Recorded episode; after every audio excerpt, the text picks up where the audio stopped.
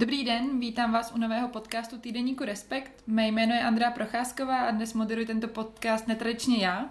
A to proto, že se budeme povídat o Slovensku, nástupu Zuzany Čaputové či prezidentském odchodu Andreje Kisky a odpovídat bude šéf redaktor Respektu Erik Tabery, protože má největší vhled do slovenského dění u nás v redakci.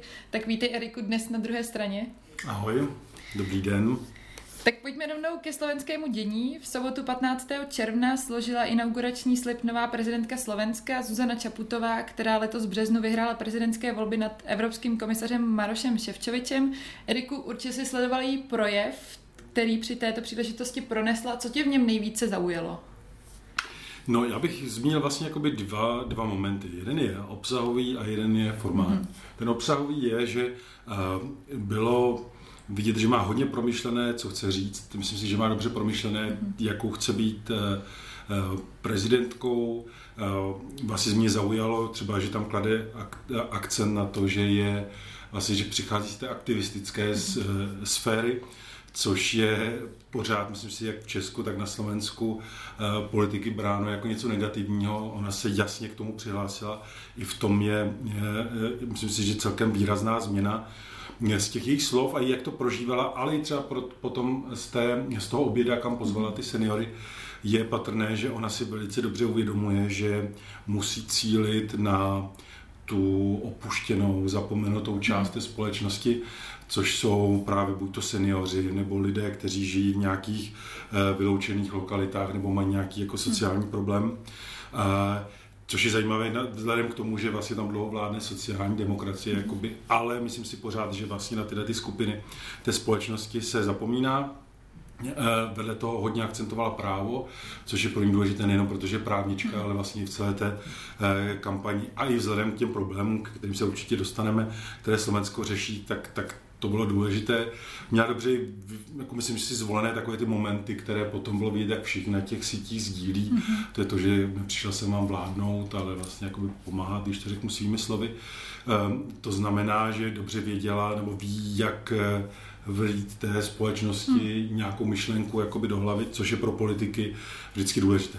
No a pak potom bych zmínil tu druhou část, tu formální, která je podle mě také důležitá a mě to vlastně hodně zaujalo a to je ten způsob toho naprosto klidného, sebevědomého projevu. Eh, obklopená tam byla vlastně víceméně z drtivé většiny politiky, kteří jsou vůči ní buď to vysloveně nepřátelští, anebo jakoby kritičtí. A myslím si, že on, i oni museli cítit z toho klidu, že tady prostě přichází uh, sebevědomá, silná, a vnitřně strukturovaná politička, hmm. se kterou to nebudou mít vůbec jednoduché. Hmm, hmm. Zmiňovala si ohlasy na sociálních sítích. Ona vlastně nejen svým projevem, ale už tou volbou, kdy zvítězila nad, nad Ševčovičem, zbudila takové uh, komentáře mezinárodních a zahraničních médií o tom, že přichází nový typ politiky, že se Slovensko vzepřelo populistické vlně, kterou vidíme teď napříč Evropou. Čím si vlastně tady to pozitivní pozitivní vnímání a ten vstřícný přístup komentátorů, ale i pozorovatelů zasloužila? No, eh, první věc, eh, ono se o ní často jako by mu úplně nemluví, nebo tak jako opatrně, aby to nepůsobilo eh, buď to sexisticky nebo nějak. Nicméně, myslím si, že je jedno, na jaké straně planety člověk je. A je jedno, jestli vůbec ví něco o Slovensku, jestli hmm. rozumí slovensky. A když se podívá na novou prezidentku, tak vidí mladou ženu, ze které jde nějaká vnitřní síla, prostě sebevědomí. A už to v, pořád v té politice, která je do značné míry určována muži, naznačuje změnu. Hmm. A proto si myslím, že to funguje i prostě na novináře kdekoliv jinde ve světě. To je jedna část. Potom druhá, samozřejmě, že když se potom člověk začne jakoby eh, nořit do světové politiky, ať už evropské nebo americké, tak vlastně my víc sledujeme lidi, eh, kteří jako uspějí s tím, že jsou agresivní, hmm. útoční, manipulují, vybírají si nějakou skupinu a občanů, často nějakou slabší, na kterou prostě jako zautočí. Tady to bylo naopak. Hmm. Vlastně ona přicházela úplně ze zdola. Neměla za sebou žádnou finanční skupinu, není za tou zástupkyní žádné nějaké silné sféry v té hmm. společnosti a velice často mluví právě o těch slabých, vyloučených, eh, nebo minimálně třeba v té společnosti neúplně populárních, což vedle těch sociálních vyloučených můžou být právě i třeba hmm. Eh, práva homosexuálů a tak dále. V tomhle tom eh, si myslím, že vidí i část, zejména teda té západní Evropy, jako příjemnou zprávu, že je možné vyhrát volby ve silně polarizované společnosti s tím, aniž by se ten člověk musel výrazně podbízet tomu většinovému názoru a aniž by za sebou musel mít obrovské peníze. A vedle všech těch Orbánů a, a, a, a Ficů a tak dále, si myslím, že to je najednou jakoby příjemný nádech pro část, tu část Evropy, která jako nechce pořád sledovat ty alfa samce, kteří jako jenom chtějí asi jako bojovat, bojovat um, a na úkor zejména tedy nějakých slabších, anebo potom takových těch umělých elit, uh, což je teď oblíbené uh, téma pro řadu hmm. populistů. Ty už jsi zmiňovala, že Zuzana Čaputová je povoláním advokátka, zároveň nemá žádné politické zkušenosti z dřívějška.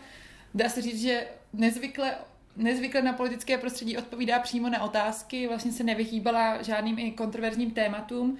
Jakým způsobem se podle tebe bude chovat v úřadu prezidenta, prezidentky? Uh, tohle je vlastně další zajímavá věc, která souvisí i, i s tou kampaní. To zmiňuješ, protože samozřejmě uh, vás jakoby nepřestává bavit, jak uh, velká část té české konzervativní scény jako používá pořád jako dokola ten argument, že krize Slováků. Slováci se museli zbláznit, že volí někoho, o kom nic neví. Mm-hmm. Což je úplná halus, jak už bych použil lidový termín, protože uh, ona na té veřejné scéně je prostě už nějaký čas, buď to nejdřív jako advokátka, která zastupovala veřejnost jako v důležitých kauzách, potom vlastně i v té politické. To, že nebyla ve vrcholné funkci, je pravda, nicméně, jak teda potom chceme dostávat do politiky jako nové lidi, eh, když eh, vlastně by tam podle téhle teze nepatřili a mají tam být pořád doklad titíž, byť třeba selhali. Ta logika vůbec nedává, eh, to jejich uvažování nedává logiku. Myslím si, že jde spíš jako odpor, řekněme, nějakému liberálnějšímu hlasu, než že by v tom byla nějaká strukturovaná úvaha. A já si myslím, že právě, že to její eh, prezidentství samozřejmě my si pořád musíme dávat eh, prostor na to, že eh, mluvíme o budoucnosti, takže jako nevíme, tam může nás mhm. spousta věcí překvapit, tak jako nás překvapí u kohokoliv, protože prostě se nastanou nějaké situace.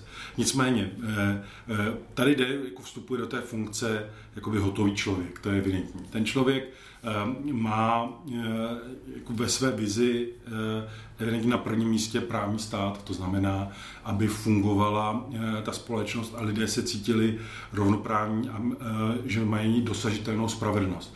A tady je třeba jakoby pro českého posluchače zmínit celkem jakoby obrovský rozdíl mezi českou a slovenskou společností, protože my si pořád myslíme, že jsme stejní a, a tak dále, a těch rozdílných eh, parametrů je tam strašně moc. A jedna z nich je úplně ta nejdůležitější když se člověk baví, eh, ať už s novináři nebo odborníky, nebo jenom s lidmi, které tam zná, tak je právě ten vztah té spravedlnosti. Těch posledních let, za těch posledních let, ta společnost se dostala do vlastně šíleného marazmu, který symbolizovala vražda Jana Kuciaka a Martiny Kušnírové. Eh, a to byl vlastně jenom ten děsivý jakoby vrchol těch událostí. A ve chvíli, kdy se tohle stalo, tak najednou se vlastně jakoby otevřela ta brána a začalo se popisovat a mluvit otevřeně o tom, a, o korupci, o neskutečné provázanosti policie, a, a státní zástupců, tam jsou to prokurátoři a, a, a podsvětí a, a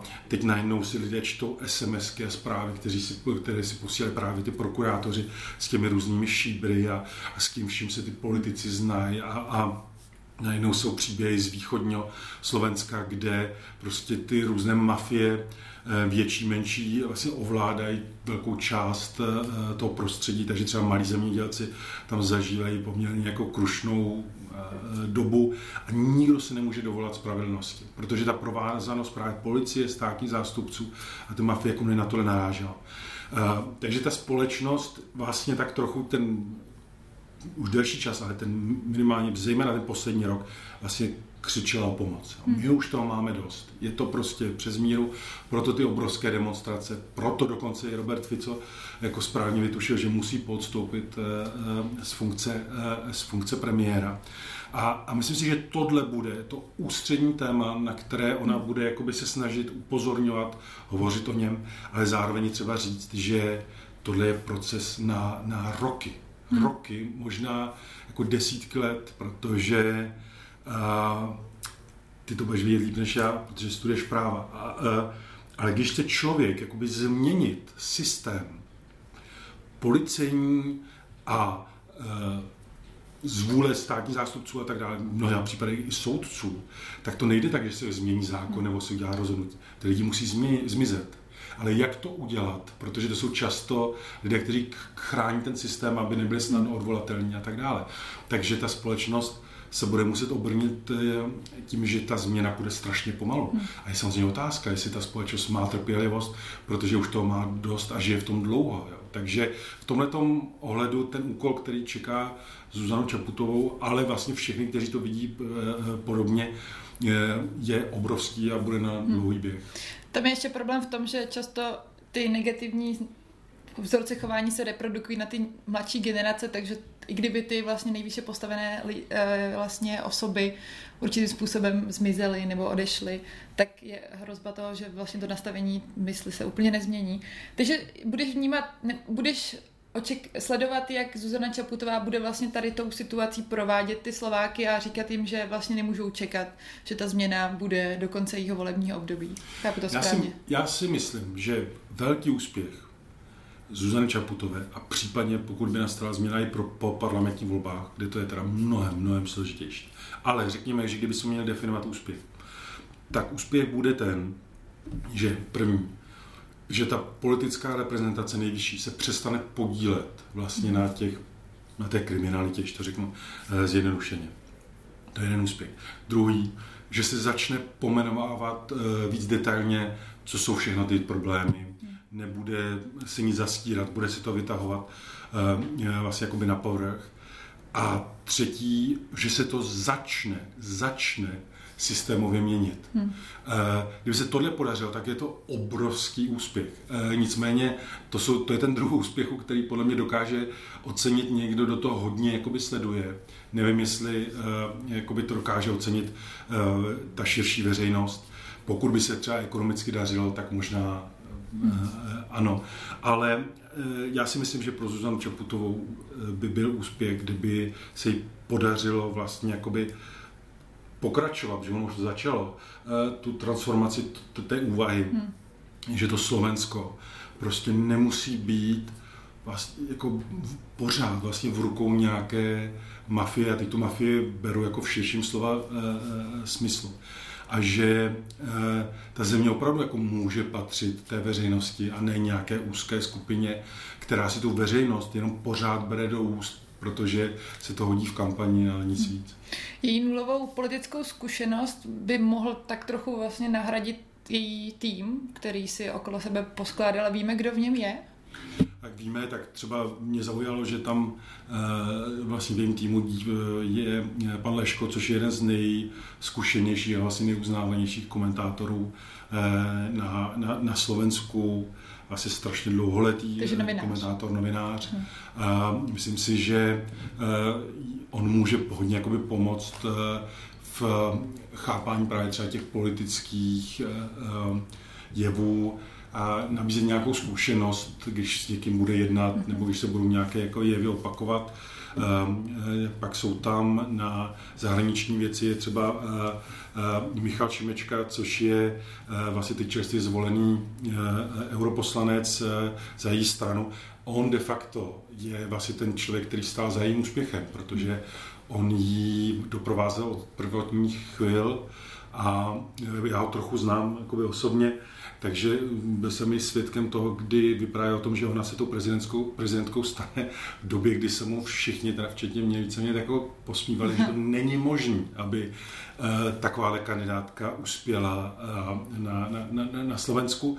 Takže Eh, ten bude také v tom týmu a pak je tam celá řada, jakoby hodně lidí třeba z té sociální sféry. Tam je třeba i právě vidět, že eh, si myslím, že vedle toho práva tak bude eh, ten akcent i na tu sociální část té společnosti, protože i v tomhle tom se Česko a Slovensko liší ta chudoba, zejména některých jakoby, těch oblastí, je výrazně větší než, než v Česku. Česko má sice také lokality, kde je třeba trochu, ne, nebo kde je horší, eh, nějaký horší životní úroveň než v jiných oblastech. Nicméně, my jsme pořád jako celkem rovnoměrně rozvrstvená společnost. Na tom Slovensku jsou větší výkyvy a myslím si, že tohle bude také jedno z hmm. jejich témat. Inaugurací Zuzany Čaputové také zároveň končí v úřadu uh dnes už bývalý prezident Andrej Kiska.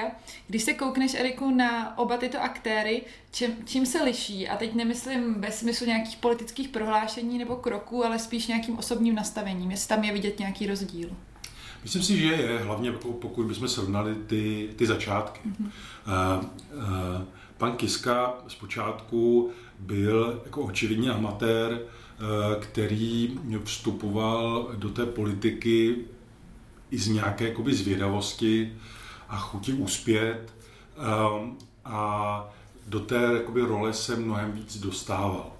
Mně na něm bylo sympatické, třeba když jsem s ním dělal jakoby, rozhovor, že on si vždycky uvědomoval, že je jakoby praktik um, a že jeho silnou stránkou není, že by to byl nějaký jako filozofující mhm. prezident nebo nějaký jakoby ideál v tom, že by byl ten vizionář. On byl velice dobrý správce té země jako pozice prezidenta a uvědomoval si, že eh, jako hlava státu nesmí zapomínat právě i na ty skupiny, které většinou jsou mimo pozornost médií nebo politiků. Takže eh, si do toho úřadu zval eh, Romy a podporoval je, nebo syrské uprchlíky a jezdil právě do těch jakoby, regionů a tak.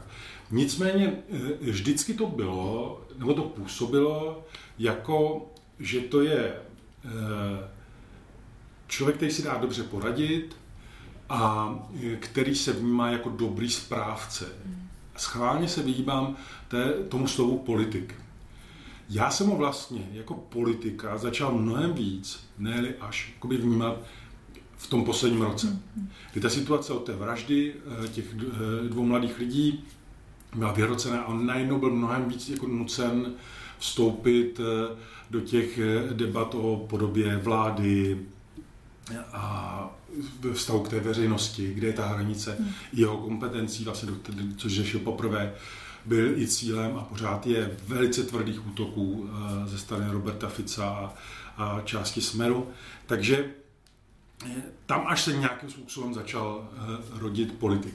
Když to Zuzana Čaputová mi přijde, že je vlastně uh, jasně eh, strukturovaná a vyhraněná politička, která už do toho úřadu vstupuje um, s nějakou vizí uh, a tu bude chtít jakoby prosazovat. Já si myslím, že to opravdu není jako a teď s vámi používám to slovo jako děvče s nadsázkou, jinak samozřejmě o hlavě státu bych tady nemluvil, hmm.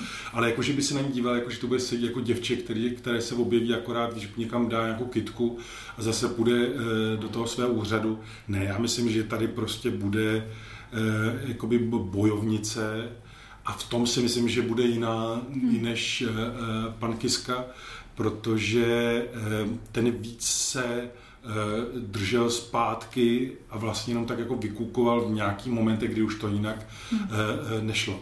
Takže v tom, v tom si myslím, že bude, že bude ten rozdíl jako poměrně výrazný a že ta, jak slovenská společnost, tak i ta politická scéna se na tohle bude muset připravit a potom se s tím nějak vyrovnat, protože ta změna může být docela výrazná.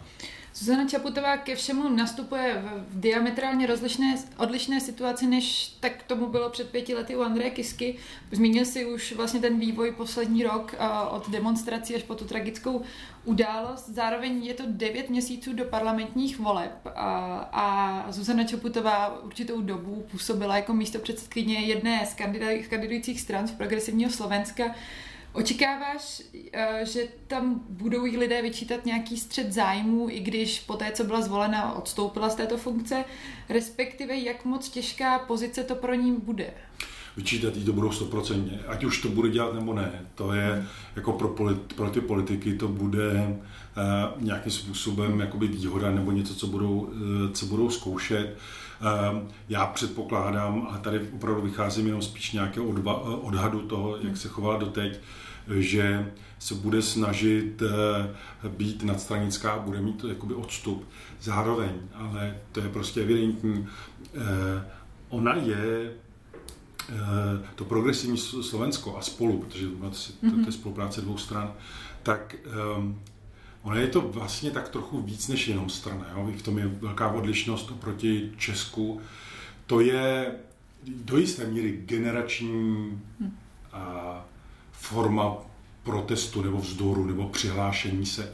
To jsou velice často v těchto stranách eh, lidé, kteří dlouho nebyli jako vlastně v politice a přišlo jim, že eh, prostě ta situace je tak vážná, že se musí do toho přihlásit. Jsou to často velice jako úspěšní lidé, buď to z podnikání nebo organizování různých eh, kulturních akcí eh, a tak dále. A, a Zuzana Čaputová je prostě jako nedělnou součástí toho. Takže ona, i když nebude zmiňovat ty strany, tak už tím, jak bude mluvit, o čem bude mluvit, tak samozřejmě bude s nimi spojována a vlastně jim taky trochu e, jako pomáhat, e, pomáhat u jejich voličů, ne u těch druhých samozřejmě, protože e, tam je prostě symbi- symbioza. To není zatím vlastně ani tak moc stranická opravdu jakoby politika nebo přístup, to je Eh, prostě nějaké fórum, eh, které se do těch stranických jako podob zatím spíš jakoby eh, vměstnává trochu hůř. To, takže v tomto ohledu to propojení tam jakoby bude pořád, aniž by ona hmm. musela jako vysloveně konkretizovat, já podporuju nebo mám blízko k těmto stranám. A není zde obava, že by ta její stranická minulost mohla ten úspěch koalice Progresivní Slovenska spolu nějakým způsobem ohrozit tím, že oni asi budou potřebovat získat nějaké další voliče, protože když se koukneme na té evropské volby, tak oni byli sice první, ale hned za zády měli Roberta Fica a poté Mariana Kotlebu. Tak jestli tady to není jedna z těch obav, kterou v koalici eh, řeší? Co jsem tak jakoby vnímal, tak eh, ano, respektive jakoby uvažovali o tom, promýšlí to, zároveň to něco, s čím už vlastně nic nenadělají. nenadělají. A, a tady je taky třeba připomenout, že eh, my to najednou bereme jako takovou jako samozřejmost, že ty evropské volby, prezidentské a dál, ale Zuzana Čaputová prostě rok před volbama měla asi 4%, dokonce možná pár měsíců před volbama měla 4% podpory a e, ty, ty dvě strany, Progresivné Slovensko a spolu, to je tak rok, rok a půl zpátky, kdy se pohybovali kolem dvou procent a pak bylo vidět, jak to opravdu roste skoro každý měsíc hmm. nějakým procentem. To, že se jim podařilo vyhrát ty evropské volby, byť byla nižší účast, je z pohledu vlastně začínající strany naprosto fenomenální úspěch, jako fakt obdivuhodný. A to, že i dneska, když se podíváme jakoby na ty preference, takže pořád jsou uh, druhé, třetí místo je z pohledu takhle čerstvé strany velký úspěch. Tím víc, co mě teda ještě jako překvapilo, že když se poprvé začalo mluvit o té straně, nové straně pana Kisky, tak oni téměř, téměř nestratili v těch preferencích jakoby podporu ale ta jeho strana, myslím, že v jednom eh, průzkumu měla kolem 6 a v druhém kolem 10%, jo, tak to je, tam je vidět, že oni dokáží oslovit každý někoho jiného hmm. a z pohledu jakoby budoucnosti pro obě ty strany by bylo strašně důležité, aby se tam dostali obě, aby hmm. tam nebyla jenom jedna. Tak jsme se bral trošku uh, vítr z plachet tím, že jsem, moje další otázka byla, Uh, že prezident Kiska vlastně nekončí, respektive bývalý prezident a včera na tiskové konferenci ohlásil vznik nové strany, která se jmenuje Za lidi. A ty jsi zmínila už ty průzkumy, které úplně neho, nehovoří tím, tím směrem, že by si mohli ubírat voliče. Jak to je? Protože v Česku, když se koukneme na jakýkoliv vznik nového projektu nebo nespojování se, tak se často zmiňuje, že, že to je škoda, že se vybijou mezi sebou ty strany, že si seberou voliče. Tak proč to v tom Slovensku je jiné? Jak to, že míří tyhle vlastně středo pravicové pro liberální strany a vlastně na jiné voliče? Ona ta slovenská scéna je taková trochu zvláštní, že ona je vlastně um, taková trochu tekutá, Ježíš, to zní tak moderně. E, tak jako Bělohradský. Ne, e, je prostě v, v nějakém pohybu. Jo. Takže není to tak jako ustálené, nebo tak lehce bych řekl spíš zmrtvěle, jako je to jakoby u nás. E, nicméně i tak mě trochu jakoby zatím, jsou to jenom jakoby preference nebo volební modely, eh, trochu ten úspěch eh, pana Kisky jakoby zaujal, nebo překvapil právě v tom, že si ty hlasy neberou. Já, když jsem se koukal na, na ta čísla, co jsem se díval, co se tak píše, ono to může být samozřejmě dáno tím, že za prvé část lidí jako volí vysloveně nebo by chtěla podpořit uh, uh, Andreje Kisku. Tady ještě třeba zmínit, že Slováci mají jiný volební Eh, způsob, to je vlastně jeden volební obvod mm-hmm. celá země, takže tam opravdu ten lídr hraje ještě větší roli než, než u nás, kde máme těch 14 volebních krajů. A, ale e, zároveň je také možné, že on je konzervativnější. Mm-hmm. Takže eh, a i ty lidi, co jsem tak koukal, to jsou různí diplomati, pak je tam jedna výrazná tvář z těch demonstrací za slušné Slovensko, tak jsou to všechno vlastně jakoby konzervativnější hmm. lidi. A z tohohle hlediska, kdyby to fungovalo, tak by to vlastně byl jako geniální model pro, mm-hmm. pro budoucnost Slovenska, řekněme, která by nechtě, které by nechtělo být součástí nebo v pořád těch jako mafiánských stran, protože ta země má samozřejmě spoustu tváří, liberální, konzervativní a, a levicovou a tak dále. To znamená, e, je otázka, jestli tady ne, nejsou nějaké zárodky, nějaké nové struktury stranické. Ale je na to strašně brzo, jo, hmm. protože eh, na Slovensku je tam spousta jako prapodivných stran, eh, eh, hlavně ta za rodinu, nebo jak se jmenuje, která je vlastně dána jenom popularitou je, je jeho lídra, který se dostává do bulváru, protože má strašně moc dětí se strašně moc známými ženami a tak je vidět, že s tím jde uspět jako ve, ve volbách.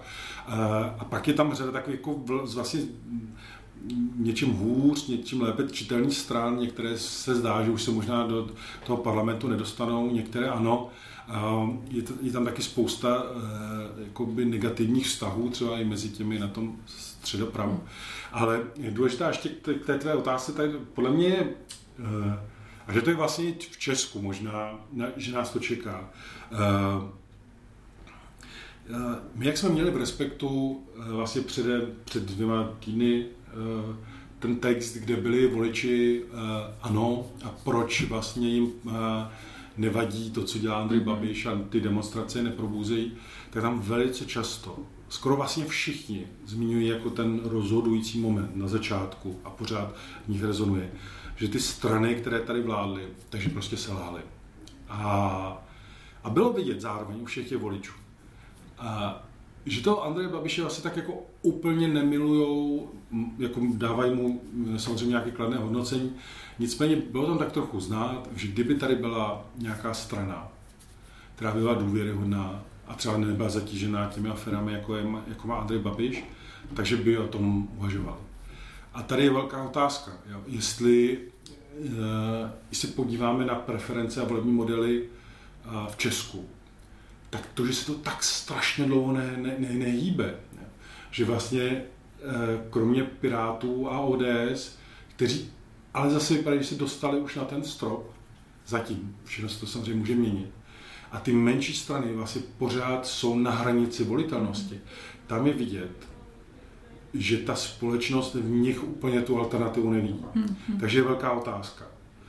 Dokážou se tyhle ty strany nějak, ale úplně zásadně, průlomově proměnit, spojit a tak dále.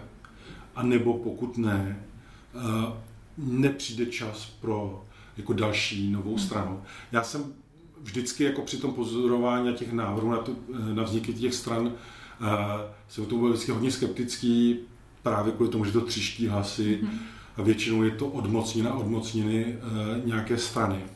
Ale ta otázka tady je prostě, jako kde, kde má část voličů, která chce nějakou změnu, ale nelíbí se jim třeba Piráti z nějakého důvodu že jsou moc levicoví, moc mladí, já nevím, co, co, co, co může jakoby vadit, tak eh, koho by měli volit. Ta otázka tady je. A Slováci už jsou v tomhle tomu jakoby okus hmm. dál.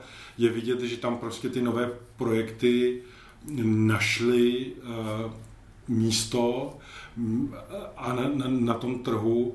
A myslím si, že je právě jeden z těch důvodů, proč třeba to za progresivné Slovensko a spolu funguje, je nejenom jakoby to, to mládí a to úspěšnost a schopnost některých těch lídrů, která je fakt jako vlastně obdivuhodná, tak je to i e, to kouzlo té generační změny a že nejsou zapojeni do žádných afér nebo mafií, které tu zemi sužovaly. Když jsi zmiňoval pocit uh, toho, že některé strany selhaly, tak asi nelze nezmínit uh, vládní stranu Směr. U toho mě vlastně zajímá také uh, Zuzana Čaputová, protože uh, Směr, směr dneska už není teda Robert Fico spíše, protože jí vede a premiérem je Petr Pellegrini, ale Robert Fico se tam tak nějak jako v ústraní pořád pohybuje. Očekáváš nějaký konflikt Zuzany Čaputové a směru, případně eh, Roberta Fica v těch nadcházejících volbách nebo i vlastně v tom během toho jejich mandátu? Protože zatím, se vypadá, zatím to vypadá, že oba aktéři, ať už Zuzana Čaputová i Robert Fico, jsou poměrně jako umírnění v těch vyjádřeních. Oni dokonce gratulovali sms k tomu, když vyhrála. Zatím se vlastně neviděl žádný osobní jako útok nebo vyjádření. No, eh, já myslím, že paradoxně jako největší střed eh, čeká smer uvnitř smeru. Mm-hmm. Protože Robert Fico teda vlastně tu stranu pořád jakoby vede a řídí. A, a já ho sleduji asi jakoby dlouhodobě a přišlo mi vždycky vlastně jakoby zajímavé, že ať to byl jakoby populista a že člověk cítil, že to je člověk jako bez nějakých větších hodnot, tak bylo znát, že pořád si hlídá nějakou jakoby míru, aby byl vnímán možná dobře v Evropě a fungoval to a tak. Od té vraždy těch dvou mladých lidí a od těch demonstrací eh, si myslím, že to je víc už pro analýzu od nějakého psychologa, hmm. možná psychiatra, nevím, než od novináře, protože ten člověk působí jako totálně zhroucená osobnost. Velice často je prostě agresivní, najednou zmizí z té scény, nikdo neví, kde je, pak se zase objeví. Velice eh, jakoby s takovou až jakým gustem útočí na kritické novináře, na eh, politickou konkurenci. Byl to takový zajímavý moment, kdy premiér Pellegrini na, eh, myslím si, že to bylo na zasedání nějakého výboru parlamentního, kde vedle něj seděl stranický kolega Blaha, který byl myslím, že šéfem toho výboru a Blaha to je taková kombinace něco mezi Vojtou Filipem, Václavem Klausem mladším a Jaroslavem Foldinou dohromady. Mm-hmm. A, Zajímavé. A, a to je velice osobní který jako uráží, hlavně na sociálních sítích všechny, ale jako až tak jako dětinsky a myslí si, že u to strašně vtipné a ono to vůbec nefunguje, ale má jakoby ten svůj populární ten. Nicméně, co bylo zajímavé na té akci, je, že prostě premiér Pellegrini vedle něj seděl, ho velice ostře kritizoval, že pokud prostě ta strana, ta země chce být proevropská, mít nějaký hlas v Evropě, tak nemůžou prostě vystupovat tak agresivně a útočně, nesmyslně proti Evropské unie. No a myslím si, že hned druhý den prostě Robert Fico šel za tím blahou a dával jako standardně najevo, že jsou jakoby spolu. Což potvrzuje, že tam je prostě rostoucí napětí mezi Pelegrinem a hmm. Ficem. Je to logické, protože ten Pellegrini se ukazuje jako vlastně ne úplně nešikovný politik, má je celkem populární. Myslím si, že to pro Roberta Fica není úplně jakoby dobrá, dobrá zpráva. Ale to zákulisí tu stranu pořád řídí Robert Fico. Hmm. Um, takže ta strana si bude muset dřív nebo později jakoby ujasnit, uh, kde chce být, jakou chce mít tvář. Um, může nastat situace, kde prostě bude vznikat nebo bude moct vzniknout nějaká koalice a jestli tam bude smer. Myslím si, že nikdy nevznikne koalice s těmi třeba liberálnějšími hmm. nebo těmi novějšími projekty, která, kdy, kde by byl Robert Fico, nebo by vůbec měl někde v zákulisí hmm. nějaký hlas. Takže tohle bude i otázka pro budoucnost um, té strany. A potom k té jakoby, druhé části té tvé otázky, já si myslím, že eh, právě, že Pellegrini ví, že to poslední, co potřebuje, jako je další, velká, jako bitev, další velké bitevní pole a to jako s prezidentkou. Takže rozhodně oni budou eh, se tak jako lehce jakoby, popichovat, což se děje vlastně i teď, ale zatím se tomu oba jako usmívají, nebo je to úplně jako přátelství, um, ale řekl bych, že tam bude uh, mnohem větší vzájemné chápání té role a proč pro ani jednu z těch stran není dobré jít hmm. do uh, nějakého úplně zásadního konfliktu. Hmm, hmm. Uh, už jsme zmiňovali, že o Slovensku se díky té prezidentské volbě začalo mluvit jako o zemi nějaké jako naděje, uh, boje, boje proti populistům, ale na druhou stranu už tady okolo tak jako mírně chodíme od začátku toho podcastu. Asi to úplně není uh, jediný pohled na Slovensko, tak uh, jak je na to vlastně ta politická situace slovenská a jak je to s těmi extremistickými stranami? No, uh, právě to je, asi na tom Slovensku je vidět tak trochu jako, jako kdyby to bylo takový studijní místo v tom, co se děje ve světě. A uh, tady vlastně jakoby úspěch nebo tak jedné části společnosti vlastně vždycky posiluje nějakým způsobem i tu druhou. Takže v době, kdy jakoby rostla podpora a pak i byla zvolena paní Čaputová, tak výrazně narostly hmm. právě i fašisti Mariana Kotleby. A e, v některých vlastně těch průzkumech je, na druhém místě. Je vidět, že, e, že ta společnost,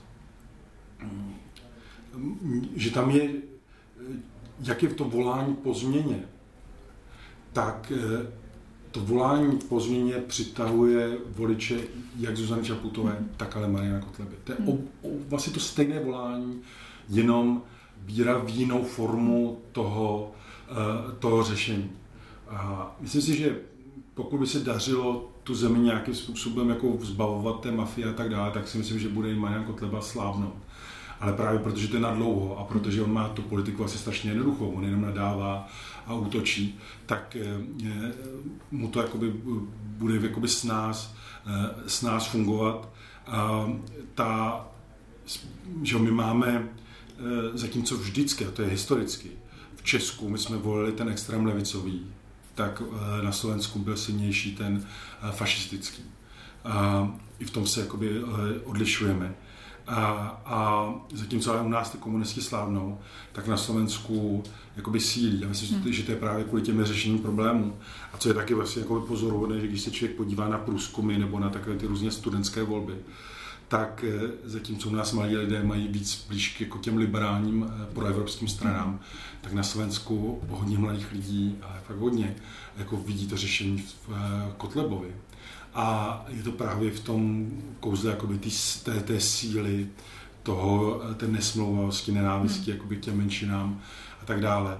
A je, je to dáno si myslím, že vlastně i takovým dlouhodobějším zapouzdřením té společnosti, kde se zdálo, že vlastně ta nenávist je, je správná, jo? nebo že ta uzavřenost, ta, ta extrémní konzervativnost. Eh, je tam velké téma samozřejmě jako katolické církve, která někteří, aby byl férový, někteří představitelé říkají, že vlastně Marián Kotleba jako je vlastně dobře, protože se jakoby hlásí k té víře. Jo ta, tam jako kdyby vůbec ne, se neodlišovalo, že prostě by měly být nějaké hodnoty, které, když ty lidé nesplňují, tak prostě se k ním ne, nemůže ta eh, katolická církev hlásit. Takže v tomhle ohledu um, to Slovensko má opravdu uh, spoustu problémů, řadu problémů mnohem hlubších, než máme, uh, než máme my. Uh, co jen rozděluje, o tom mluvím často, Česko a Slovensko, byť se to taky mění, ale Slováci už delší čas vědí, že mají problém. A vědí, že jsou malá země. Třeba proto tam je tak obrovská podpora Evropské unie. My jsme dlouho, ale teď se to tak trochu jako začíná měnit, že v představě, že nemáme vůbec žádnou, žádný problém a tak trochu v představě, že my jsme vlastně velká země, která nikoho nepotřebuje. A proto tak úplně třeba tu Evropu neprožíváme. Eh, takže v tom, pokud by se to brali jako z optiky diagnózy, je Slovensko na tom líp, protože tu diagnózu si udělalo a už začalo léčbu. Hmm. My pořád ještě tu diagnózu jakoby provádíme a dohadujeme se o tom, jestli jsme nemocní nebo ne. Hmm.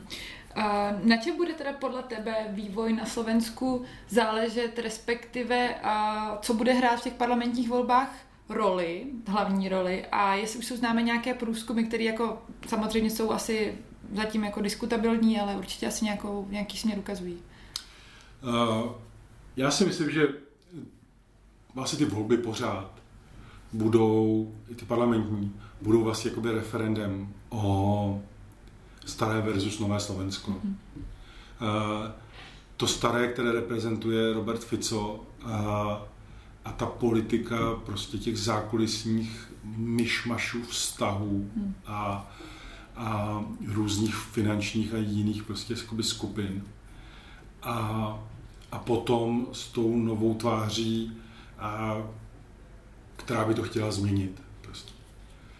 Co je, jako si myslím, že jistá uh, jakoby šance, proč by ta změna mohla jakoby, uh, jakoby proběhnout, je ta, že já jsem v minulosti třeba sledoval, když uh, uh, šéf SASu, strany SAS, uh, uh, Sulík, uh, říkal, že uh, když se řešil nějaké téma, které souviselo s vládou, tak on potom vždycky jakoby zmínil, že zruší všechny ty sociální výdobytky, které Robert Fico uh, uh, jakoby zavádí. A tam bylo vidět, že když jenom začal narůstat jakoby ta, to poznání té společnosti, že Robert Fico není dobře, tak ve chvíli tohle zaznělo, tak ty lidi se vyděsili jako a řekli si, hele, ať tam bude kdokoliv, tak to bude špatně, mm. ale ten Fico nám aspoň něco dá. Mm-hmm. Což není úplně jiný odlišný od Babiše tady. A, ale třeba ty nové projekty, jako to Spolu a to Progresivní Slovensko, to jsou víc levicové projekty. To není úplně tak jako snadno řečeno. Nicméně si tu sociální citlivost jakoby víc uvědomují. Takže eh, teoreticky tam může víc jakoby fungovat, že se ti lidé nemusí bát zvolit někoho jiného, protože eh, se, se strachují o nějaký jako svůj život a, a eh, svoje životní podmínky. Ale myslím si, že že víc ten akcent bude uh, o té spravedlnosti, uh, právním státu hmm. a tak dále. Ale vždycky platí, ať tohle to jako je to, to, to, co se bude hodně řešit, ale vždycky rozhoduje ekonomika. Jako žádná strana si nemůže dovolit jako výmout nebo zapomenout na to téma, aby lidem řekla, když nás volíte, tak se vám bude žít takhle a takhle, protože my máme tenhle ten plán. A když se vrátíme teď na konci k tomu, čemu jsme začali, to znamená k Zuzeně Čaputové, jejímu velkému úspěchu, k tomu, jak je vnímána v zahraničí, k jejímu inauguračnímu projevu, ve kterém říkala, že nepřišla vládnout, ale přišla sloužit a ráda by vlastně uh, zastupovala ty lidi, kteří ji nevolili. Není jako riziko, že si do ní část společnosti a s předpokládám její voliči budou budou projektovat po těch pět let uh, vlastně řešení na všechny problémy Slovenska a pak poté může vlastně přijít po konci jeho mandátu nějaká deziluze, která bude vlastně logická, protože pravomoci prezidenta jsou do jisté míry omezené. Jste zmiňoval nějaké možné úspěchy, které rozhodně asi nejsou v představách všech těch jako lidí jako ideální stav. Eh, je to tak, jo. Myslím si, že vlastně ta hlava státu musí být eh, v něčem hodně vnitřně konzistentní, aby ustála to, že je v centrem eh, nároku, ale i tlaku a přitom těch pravomocí moc nemá. Myslím si, že třeba pro Andrej Kisku tohle byl celkem výrazný problém. Hmm. My vlastně do těch voleb se formálně ten prezident nebo ta prezidentka to nemůže moc jakoby změnit a otázka je, co bude potom po těch volbách, takže se může stát to, co zmiňuješ ty, že ona bude vlastně jedinou výraznou zástupkyní toho um, novějšího proudu, řekněme. A pak může být jako o to větší zklamání, že jako vy jste nic nedokázala, vy jste nic se nezměnilo a tak dále. Ale zároveň bych, jako bych řekl, že ta společnost už nějak jako čte eh, tu svoji zkušenost, ví, co se tam jakoby odehrává eh, a odehrávalo. A pokud ona bude s nimi eh, pořád otevřeně debatovat a bude vysvětlovat, co může, co nemůže, tak si myslím, že ten druh jejího voliče to nějakým způsobem jakoby pochopí. Tam se paradoxně může stát ona obětí v vozovkách frustrace těch, kteří nevolili. Hmm kteří budou vyčítat, vidíte to, vy jste sliboval lepší a nic se nestalo, nic se nezměnilo. A, ale s tím se prostě nedá nic dělat, to, to ona by neovlivnila tak jako tak. Myslím si, že pro každého politika je důležité jakoby nehledět na to, jak to může jakoby dopadnout, a, ale je důležité být jakoby autentický v tom, co jsem si definoval jako cíle, eh, mluvit o nich, snažit se jakoby naplňovat a tou veřejností vést nějakou eh, otevřenou debatu. To, že potom třeba ty okolnosti neumožní, aby to dopadlo lépe, tak to už je věc jakoby historie dějin, kde, kde prostě holce nedá nic dělat. Každý má jenom nějakou sílu a nějaké možnosti ale co je podstatné je, že Zuzana Čaputová se za tu svoji odpovědnost jakoby přihlásila a vlastně vyrazila do eh, v úhozovkách toho boje za změnu Slovenska. Tak ti, Eriku, moc děkuji. Vám děkujeme, že jste poslouchali a budeme se těšit u dalšího podcastu Týdeníku Respekt. Naschledanou. Naschledanou.